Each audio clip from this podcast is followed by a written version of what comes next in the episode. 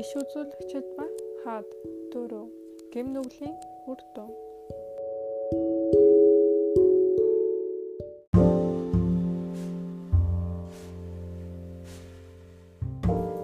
Соломоны хэд хэнцэр тансаг амьдрал татагдан дарангуйлалд автагдах нь хувиа үл хичээх зүрх сэтгэлийг төлөвшүүлж арчлан хамгаалаагүйгээс ихээхэн шалтгаалжээ. Мосе Синай уулын ойрмод хүмүүстэй хандан бурхны тушаалыг тунхаглаад би тэдний дунд оршин байхын тулд надад зориулан тэд ариун газрыг барих гэж хэлэхэд зүрх нь хөдөлсөн хүн бүр сүнсэндээ хөтлөгдөн гэж хурлын майхны ажилд болон бүх үйлчлэлд мөн ариун хувцснуудад зориулж эзэнт хандив авчрав. Египтээс гарсан 25-ын 35-ын 21. Бурхны өргөөг барихад агуу хэмжээний хөрөнгийг цуглуулах шаардлагатай байсан ба их хэмжээний үнэт ариун нандин эд зүйлсийг олж бэлтгэх хэрэгтэй байв. Гэвч эзэн хүчээр биш зөвхөн чин сэтгэлээсээ өгсөн өргөлийг хүлээн зөвшөөрч байлаа. Надад зориулан хандив авчир хэмээн Израилийн хөвгүүдэд хэл зүрхэндээ хөтлөгдөд хөтлөгддөг хүм бүрээс надад өгснийг ав гэсэн тушаалыг Мосе авд түмэндээ тунхаглан хэлж байв. Египтээс гарсан 25-ын 2 Хамгаас агуу нэгний орших газрыг барьж босгоход шаардлагатай эхний хамгийн чухал бэлтгэл нь Бурханд бүхнээ даатгаж зүрх сэтгэлийн эзэнд өргөх явдал байв. Давид хаан Соломоны Бурханы өргөөг барих үүргийг бүхлээлхэн өгөхдөө дээр өгүүлсний адил зүрх сэтгэлээ бүрэн өргөл болгон өгөхийг шаардаж байв. Давид цугласан олноос энэ өдөр эзэнд зориулан өөрийгөө ариусгахыг хэн хүсэж байна вэ? гэж асуулаа. Шастрын дээд 29-ийн 5. Бурхны өргөг барихад оролцсон хүн бүр зүрх сэтгэлээ ариусгах, Бурхны үйлчлэлийг хүсэн эрмэлзэх дуудлагыг үүрд мөнхөд санаж байх ёстой байв. Зөөврийн майхан өргөөг барихад Бурхан өөрийн таалсан тусгай ур чадвар, мэрэгэн ухааныг эзэмссэн хүмүүсийг сонгон дуудлаа. Мосе Израилийн хөвгүүдэд үзэх түн эзэн Юда овгийн Бозелелийг нэрээр нь дуудав. Тэрээр түүнийг мэрэгэн ухаан, ойлголт, мэдлэг болон бүх ур чадварт Бурхны сүнсээр дүүргэсэн. Тэрээр заах чадварыг дан овгийн Ахисамахын хүү Охилиабын зүрхэнд өгчээ. Сэлбэрчин зохион бүтээгчийн хөөх, ягаан, час улаан өнгийн давуу болон нарийн ихсэн малинган дээр хатгах бүхий л ажлыг гүйцэтгэх загварыг зохиох ажлаа хийх ажлыг хийх ур чадвараар эзэн тэднийг дүүргэв. Ариун газрын бүх ажлыг хэрхэн гүйцэтгэхийг мэдэх мэрэгэн ухаан ойлголтыг эзнээс авсан Базелэл, Охолия болон урд үтэй хүн бүр эсний тушаасан бүхнийг ёсоор гүйцэтгэх болно гэв Египтээс гарсан 35-ын 30-аас 35. Диважингийн төгс ухаалаг оршин суугчид Бурхныг Бурхны сонгосон ажилчидтай хамтарлаа. Дээрх урчуудын үр ачнаар үг эцгийн эцгүүдийнхээ их хэмжээний авьяасыг өвлөн авчээ. Юда болон Данийн эрчүүд даруухан үр хуваа үл хичээсэн зангаар ажиллаж байсан боловч аажмаар бурхандаа тогтоосон холбоо болон түүнд хуваа хичээлгүйгээр үйлчлэх хүслээ алджээ. Тэд маш нарийн чадварлаг гар урлаачд байсан тул өөрсдийн чадварынхаа төлөө их хэмжээний төлөөс нэхэж эхэлжээ. Эдгээр гар орчууд эргэн тойрны улс орноос захиалга ирэх ирэх тусам өндөр төлбөртэйгээр ажлаа үнэлдэг болон уран чадварлаг өвөг дээдсийн хуваа үйл хичээсэн зөв шударгацаан гөвлөн авахын оронд үр ачнаар нь шунал ашиг хонжоогоо нэмэгдүүлэх хүсэлтэй автагцаар байв. Тэд хуваа хичээсэн хүслийг хангахын тулд Бурхны даалгаж өгсөн чадвараа бузар шүтлэгтэй хаад ноёдны үйлчлэлд зориулж бүтээгч Бурхны гутаанд оромжилсон эд зүйлсийг төгс төгөлтөр болгоход хөв нэмрээ оруулж эхэлжээ. Соломон дээр дурдсан асуудалтай хүмүүсийн дундаас Морийн уулан дээр Бурхны өргөний ажлыг гудирдах чадварлаг ажилчныг ирж хайж байв. Хаан хаанд ариун өргөөний жижиг хэсэг бүрийг барих талаар наривчлан бичсэн зааварчилгааг даалган өгсөн ба хаан бурхны даалгасан маш нарийн ажлаа гүйцэтгэх онцгой чадвартай хүнийг бурханд итгэх итгэл дээрээ түшиглэн ирж хаах боломжтой байв. Гэвч Соломон бурханд итгэх итгэлээ сорих боломжоо ашиглаж чадаагүй.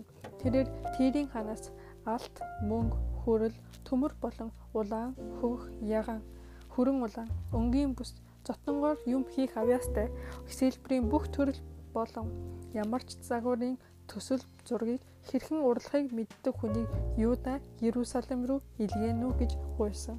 Шастрын дэд 2-7. Фойник үндэстний хаан Дан эмэгтэй хөвгөн бөгөөд эцэг нь тэр хүн болох Хурамыг илгээлээ. 14 дугаар эшлэл. Хурамын ээжийн талын өвгөн өвөг эцэг нь Бурхны зөвөрийн ариун ордныг бариулахаар 100-аад жилийн өмнө мэрэгэн ухаанаа өгсөн Ахолия гэдэг хүний үр сад байж байна. Ийхүү Соломоны ажилчид урчуудыг удирдах хүнээр хуваа хичээх хүсэлтэд автагдсан нэгэн тавигдлаа.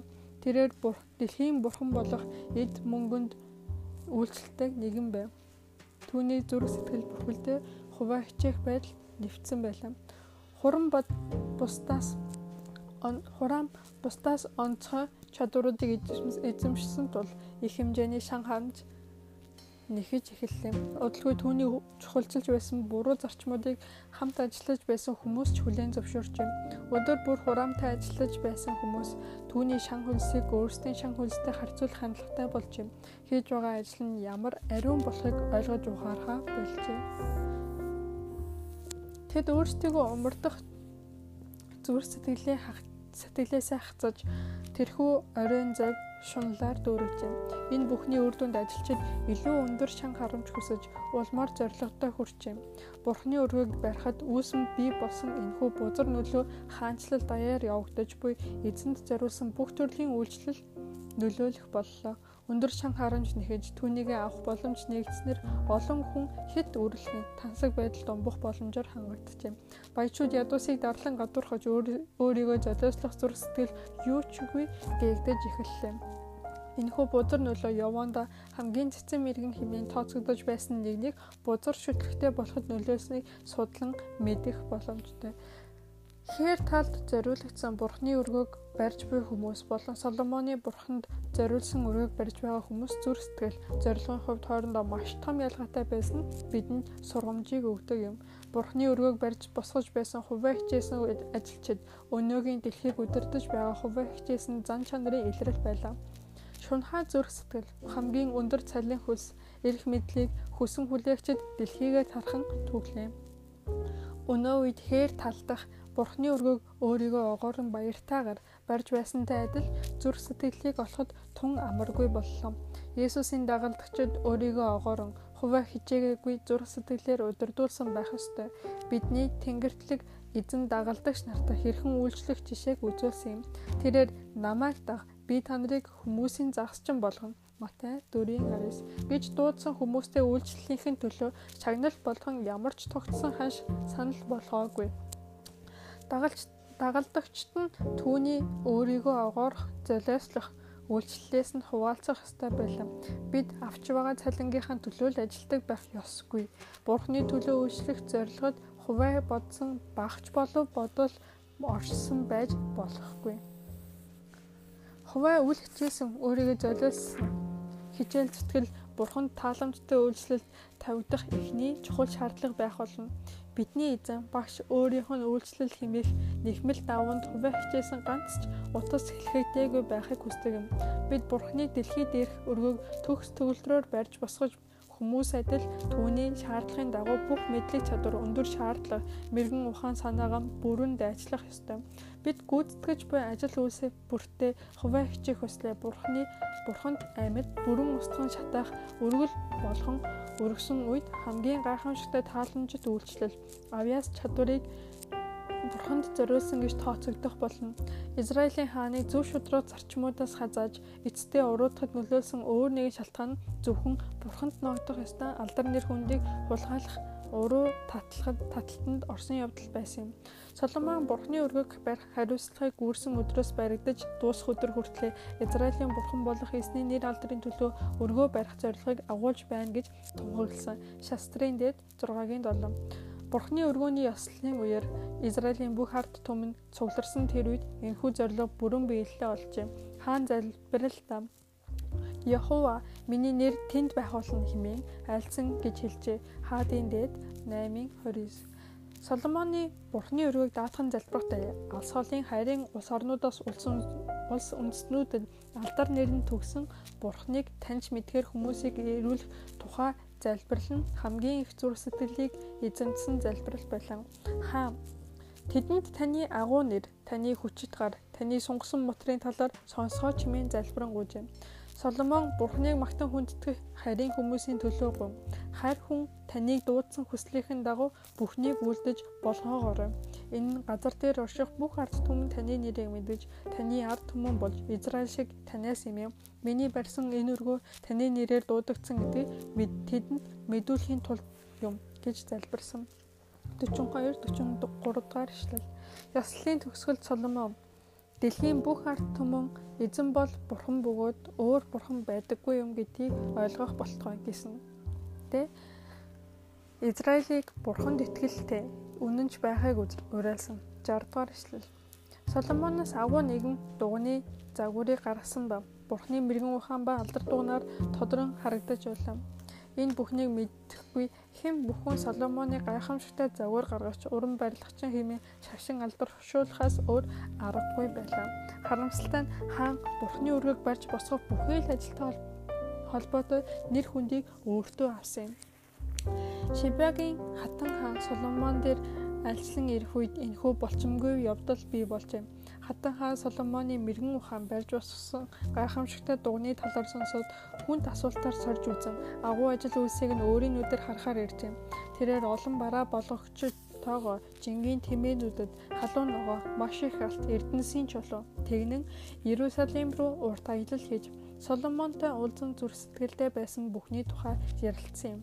Хатан хаан Соломонтой байгалийн ер бусын зүйлсийн талаар ярилцах үед хаан байгалыг бүтээгч Тэнгэрийг өндөр доршигч суугч бүхнийг захирагч агуу бурхны талаар зааж өгчээ.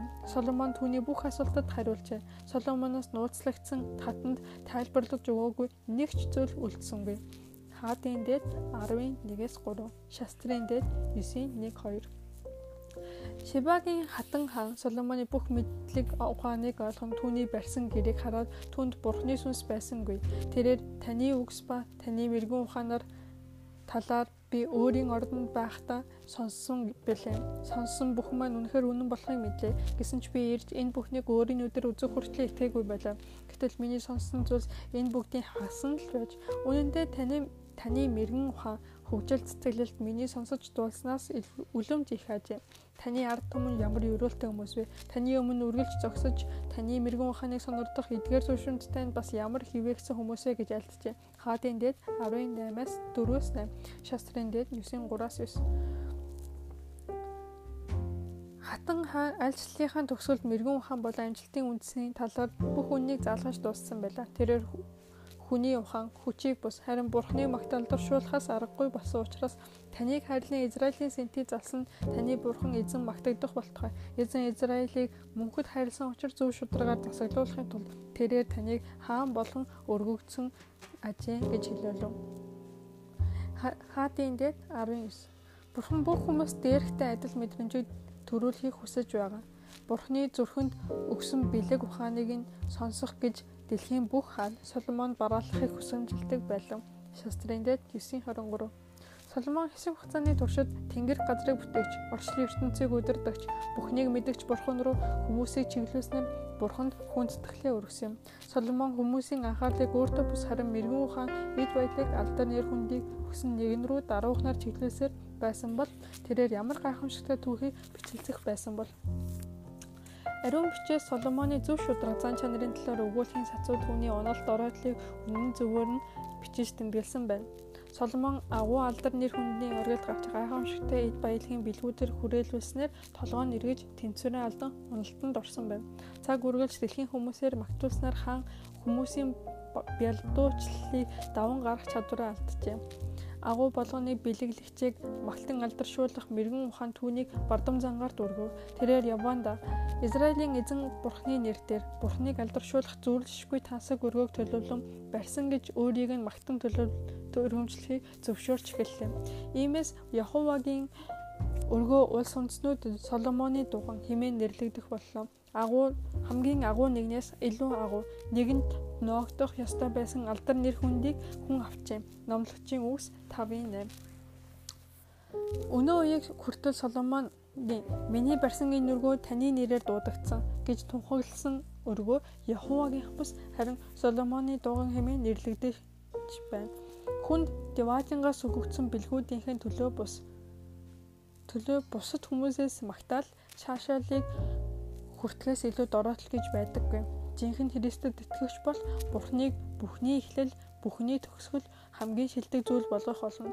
Ямар ч хуваа хичээсэн зорилго түүний Бурхныг хайрлах хайрыг нь хөрөхгүй. Тэрээр тууштай, төвчээр тэгээд Тэнгэрийн эцгийнхээ нэрийг алдаршуулахын тулд бүхнээ зориулна. Бид Бурхны нэрийг алдаршуулах үйлстэй итгэлтэйгээр хандах үед бидний хүсэл зорилго Бурхнаар өдөрдүүлэгддэг. Ингэснээр бид сүнслэг болон оюун ухааны хүч чадлаа хөгжүүлдэг. Тэнгэрийн эзэн Есүс өөрийн Тэнгэрийн эцгээ үргэлж алдаршуулж байсан юм. Тэрээр дагалдагч нартай Тэнгэрт байгаа бидний эзэн минь таны нэр ариунаар дурсагдаг гэж залбирахыг зааж сургаж юм. Матай 6-гийн 9. Дагалдагчид мөн хаанчлал үрд таних эцгийнх химэн тунхаглахаа магтах ёсгүй байлаа. 13 дугаар эшлэл. Агуу эдгэгч хүмүүсийн анхаарлыг өөрийн эдгэх хүч гарч буй их усүр рүү шилжүүлэхэд маш их болгоомжтой ханддаг байлаа. Хэлгүүчүүдийн ярихыг тэр дахир дутуу хүмүүсийн эрүүл болохыг, хазгар доглонгуудыг явахыг, сохруудыг харахыг урсан олон харахад Христ өөрийгөө биш харин Израилийн бурхныг алдаршуулсан. Матай 15:31 Христ загалмаа цовдлуулагдахын хан өмнө гайхамшигтай залбирлыг үйлдсэн. Тэрээр таныг хүүчин алдаршуулахын тулд хүүгээ алдаршуулаач. Зөвхт аава ертөнц таныг бидээгүй боловч би таныг мэдсэн. Мөн таны намайг илгээснийг тэд мэдсэн бэлээ. Би таны нэрийг тэдэнд мэдүүлсэн бөгөөд мэдүүлэх болно. Ингэснээр та намайг таны намайг хайрлсан тэр хаад тэдний дотор байж би ч гэсэн тэдний дотор байх юм гэлээ. Йохан 17-гийн 1 4 25 26. Эзэн ингэж алдаж байна. Мэргэн хүн мэргэн ухаанаараа, хүч чадалтай хүн хүч чадлаараа, баян хүн нь эд баялгаараа бүү сархаг, харин сархагч нэг нь сүг үгээр сархаг. Намайг мэддгээр, намайг газар дэлхий дээр хайр инрэл, шудраг ёс, зөв шударгааг хэрэгжүүлдэг. Эзэн гэж ухаартгаараа сайрхаг. Учир нь би түүнийг таалдаг гэж эзэн тунхаглаж байна. Еремея 9:23 24. Би бурхны нэрийг дуугаар магтаж түүнийг талархлаар өргөмжлөнө. Бидний эзэн ба бурхан минь та алдар, хүндэтгэл, хүчийг авахын зохистой. Миний бурхан эзэн би бүх зүрх буй бүх зүрхээрээ танд талархаж таны нэрийг мөнхөд алдаршуулна. Надтай хамт эзнийг дээдэлж хамтдаа нэрийг түүний нэрийг өргөмжлөцгөө. Дуулал 69-ийн 30, илчлэл 4-ийн 11, дуулал 86-гийн 12, 34-ийн 3. Өөрийгөө золиослох зүрх сэтгэлээс өөрийгөө алдаршуулах зүрх сэтгэлтэй болох зарчмуудыг танилцуулж эхлэхдээ Израильчууд Бурхны төлөвлөгөөнөөс аимшигтайгаар гажуудан холдож эхэлжээ. Бурхан өөрийн хүмүүсээ дэлхийн дахинд гэрэл болоосой гэж хүссэн юм. Тэдний өдөр тутмын амьдралын үйлсээс Бурханы хуулийн алдар гэрэлтэн гэж байх ёстой байлаа. Бурхан энэхүү төлөвлөгөөгөө хэрэгжүүлэхийн тулд дэлхийн улс үндэстнүүдийн дунд онцгой байр суурийг эзлүүлэхээр Израиль үндэстнүүд үндэснийг сонгон авсан юм. Соломоны өдрүүдэд түүний хаасл хойд хил хязгаар нь Хамаат, урд хил хязгаар нь Египт, газар дундын тэнгисээс Евфрат мөрөн хүртэл тэлсэн байлаа. Энэхүү газар нутгаар дэлхийн худалдаа 8-ны олон жинтэй замууд огтлон гардаг байсан ба алс холын газар нутгаас тээж яваа зингийн цуваа байнгад зөрөн өнгөрдөг байжээ. Иймээс Соломон болон жин түүний ард түмэнд хаадын хааны зан чанарыг дэлхийн олон үндэстэнд таниулах боломж өгөгдөж бүх дэлхий дахинд Бурхны талаарх мэдлэг төгсөн байх ёстой байлаа. Бурханд өвөг Бурханд өргөж буй тахилаар дамжуулан Христ үндэснүүдийн өмнө өндөрт өргөмжлөгдөж түүнийг өргөмжлөг өргөмжлөхсөд амийг авах ёстой байлаа. Хүрээлэн буй улс үндэстнүүдтэй гэрэл түгээх үүрэг хүлээсэн улсын тэргүүний хувьд Соломон Бурхны өгсөн мэрэгэн ухаан хүч чадал нөлөөгөө ашиглан Бурхан болон түүний үннийг мэдгүй хүмүүсийг гэрэлтүүлэх агуу хөдөлгөөнийг өдөртөн зохион байгуулах ёстой байлаа. Ингэснээр олон түмэн Бурхны хууль тушаалыг дуулууртаагаар дагаж Израильчууд бузар шүтлэгтэй улс үндэстнүүдийн муу үйлдэлүүдээс хамгаалагдаж алдрын эзэн гайхамшигтайгаар хүндлэгдэх юм. Гэвч Соломон энэхүү эрхэм зорилгоо омортжээ. Тэрээр өөрийн газар нутгаар тогтмол өнгөрч буй том том хотуудад саатаж буй хүмүүст Бурхны танилцуулах гайхалтай бололцоонуудыг ашиглаж чадаагүй юм. Соломон болон Израильчуудын зүрх сэтгэлд Бурхныг сулгаж өгсөн баярын мэдээ түгээх хүсэл нь худалдаа наймаа өргөжүүлэх зүрх сэтгэлээр солигдсон байлаа. Олон үндэстнүүдтэй холбоо тогтоох боломжуудыг хувийн ашиг сонирхлоо өгсөн өсгөн нэмэгдүүлэх арга болгон ашиглаж эхэлжээ. Соломон худалдааны айманы төв хотуудаа хан хэрмээр бэхлэгдсэн хот болон хөгжүүлснээр улс төрийн хүчээ нэмэгдүүлж байлаа. Тэрээр Египт болон Сир хоёрын хооронд орших Ёпатэй ойролцоо Гизер гэдэг хот болон Иерусалимын баруун хэсэгт Бет Хорон хотуудыг сэргээн босгож Юдагийн төв нутгаас Гизер цаашлаад далайн эргийн нутаг хүртэл олон хөлийн замууд дээр хяналтуудыг тогтоолоо. Дамаскаас Египт хүрэх жинжтийн зам, Иерусалимаас хойд нутгууд руу явах замууд болон зүүн зүгтээ холбогдсон худалдааны замуудыг Тадморыг цөлд босгожээ. Шастрын дэд 8-4. Эдгээр хотод бүгд Батбих хан хэрмээр хүрээлүүлсэн байлаа. Тэрээр улаан тэнгисийн эрэгт худалдааны аймагаа ашигтай байлгах зорилгоор Изион Геберт хөлөг онгоцнуудыг босгов. Мөн Соломоны зарц нарын хамт тэр нутгаас усан онгоц удирдагчийг сургаж усан онгоцнуудаа холын аялалд гаргав. Офироос алттыг авчирсан Хирамын хүлэг онгоцнууд тэндээс их хэмжээний улаан мод эрдний чулуу авчирсан юм. 18 дугаар эшлэл. Хаан болон түүний алавтуудын орлого маш ихээр нэмэгдэж эхэлсэн боловч энэ нь ямар их өртгөөр бий болсон гэж санана. Бурхны үннийг даалгаж үлдээсэн хүмүүсийн сувдаг сэтгэл өнөө маргаашгүй бодсон байдлаас болж холын замыг туулж буй тоолохын аргагүй жинчиж Яховгийн талаар мэдхгүй хэвээр үлджээ. Христийн энэ дэлхий дээр байхдаа үлдэж байсан үйлдэл Соломоны үйлдэлээс эрс ялгаатай байв. Аврагч бүх хүч чадлыг эзэмшиж байсан боловч хизээч хүч чадлаа өөрийн эрх ашигын төлөө ашиглаж байгаагүй. Дэлхийг эзлэн төрөмгөл дэлхийн алдар гавьяаг хүсэх хүсэл Есүсийн хүн төрлөختний төлөө гүйцэтгсэн төгс үйлчлэлийг бузардуулан дороотуулаагүй. Тэрээр үнэг нүхтэй Тэнгэрийн шувууд үүртэй байдаг. Харин хүний хүүд толгоон хорогдох газар байхгүй гэж хэлсэн. Матай 8:20. Өнөөгийн өнөө үеийн дуудлага хүлээн зөвшөөрч эзний үйлчлэлд нэгдэж байгаа бол түүний үлгэр дуурайлаас суралцвал ашиг тустай байх болно. Есүс аялж буй агуу холын зам бүртээ тохиож буй боломжуудаа алдалгүй ашигладаг байв. Есүс хэдийгээр наас цааш байнгад аялж байсан ч ихэвчлэн Капернаумд оршин сууж байв. Энэхүү хот нь ч түүний хот хэмээн нэрлэгдэх боллоо. Матай 9:1. Дамаскаас Иерусалим, Египтээс газар дундын тэнгис орох гол уулзуур зам дээр оршдог энэхүү хот аврагчийн үйлчлэлийн төв болоход тохирсон маш сайхан газар байлаа. Газар газрын хүмүүс Капернаумаар дамжин алжаалаа тайлахаар сатдаг байв. Есүс бүх сургаалыг олон улс орон хэрэгэн зэрэгтэй олон хүнтэй уулзнаар өөрийн буюу Месиягийн талаарх зөвгөнлүүдэд хандан олон төмний сонирхол нэмэгдэж түүний үйлчлэл дэлхийд дахинд түгээгдсэн юм.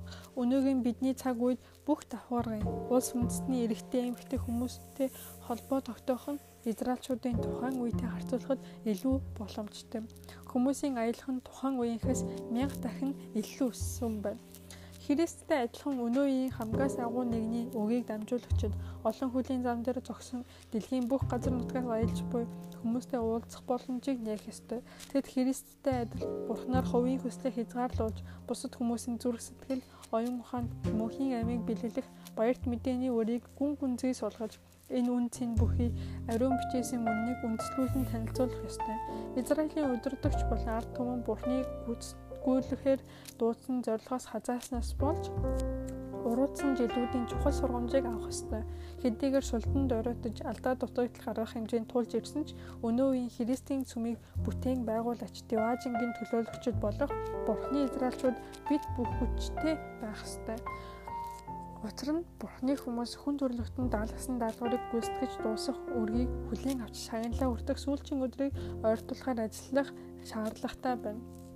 Харамсалтай нь Соломоны хаанчлалын үед түүч байсан бузар нөлөө өнөө хүртэл үргэлжилсээр байна. Зөв шударгын дайсанд хүчтэйгээр үсэлсэн боловч бид зөвхөн Бурхны хүчээр ялалт байгуулах болно. Бидний өмнө тулгарч буй зөрчилдөө нь өөрийгөө овгорох, өөртөө хит найдахгүй зөвхөн Бурханд итгэж найз нь зүрх сэтгэлээ хүчрхэгжүүлж бусдыг авралт хөтлөх боломж бүрээ ухаалгаар ашиглахыг биднээс шаардаж байна. Бурхны сүм эв нэгдэлтэйгээр харах үед оршин байгаа дэлхий дахны алдаа дутагдлыг Христтэй адил өөрийгөө огоорсон зүрх сэтгэлийн ариун байдлын үзэсгэлэнт байдлыг харуулж хүнийг бус бурханлаг хүчийг магтан өргөмжлөх баярт мэдээний ивэлүүд маш ихээр шаардлагатай байгаа хүмүүсийн төлөө цуцалтгүйгээр үйлчилж буй сүмийн дээр эсний ивэл байнга оршин дүүрэн унших болно.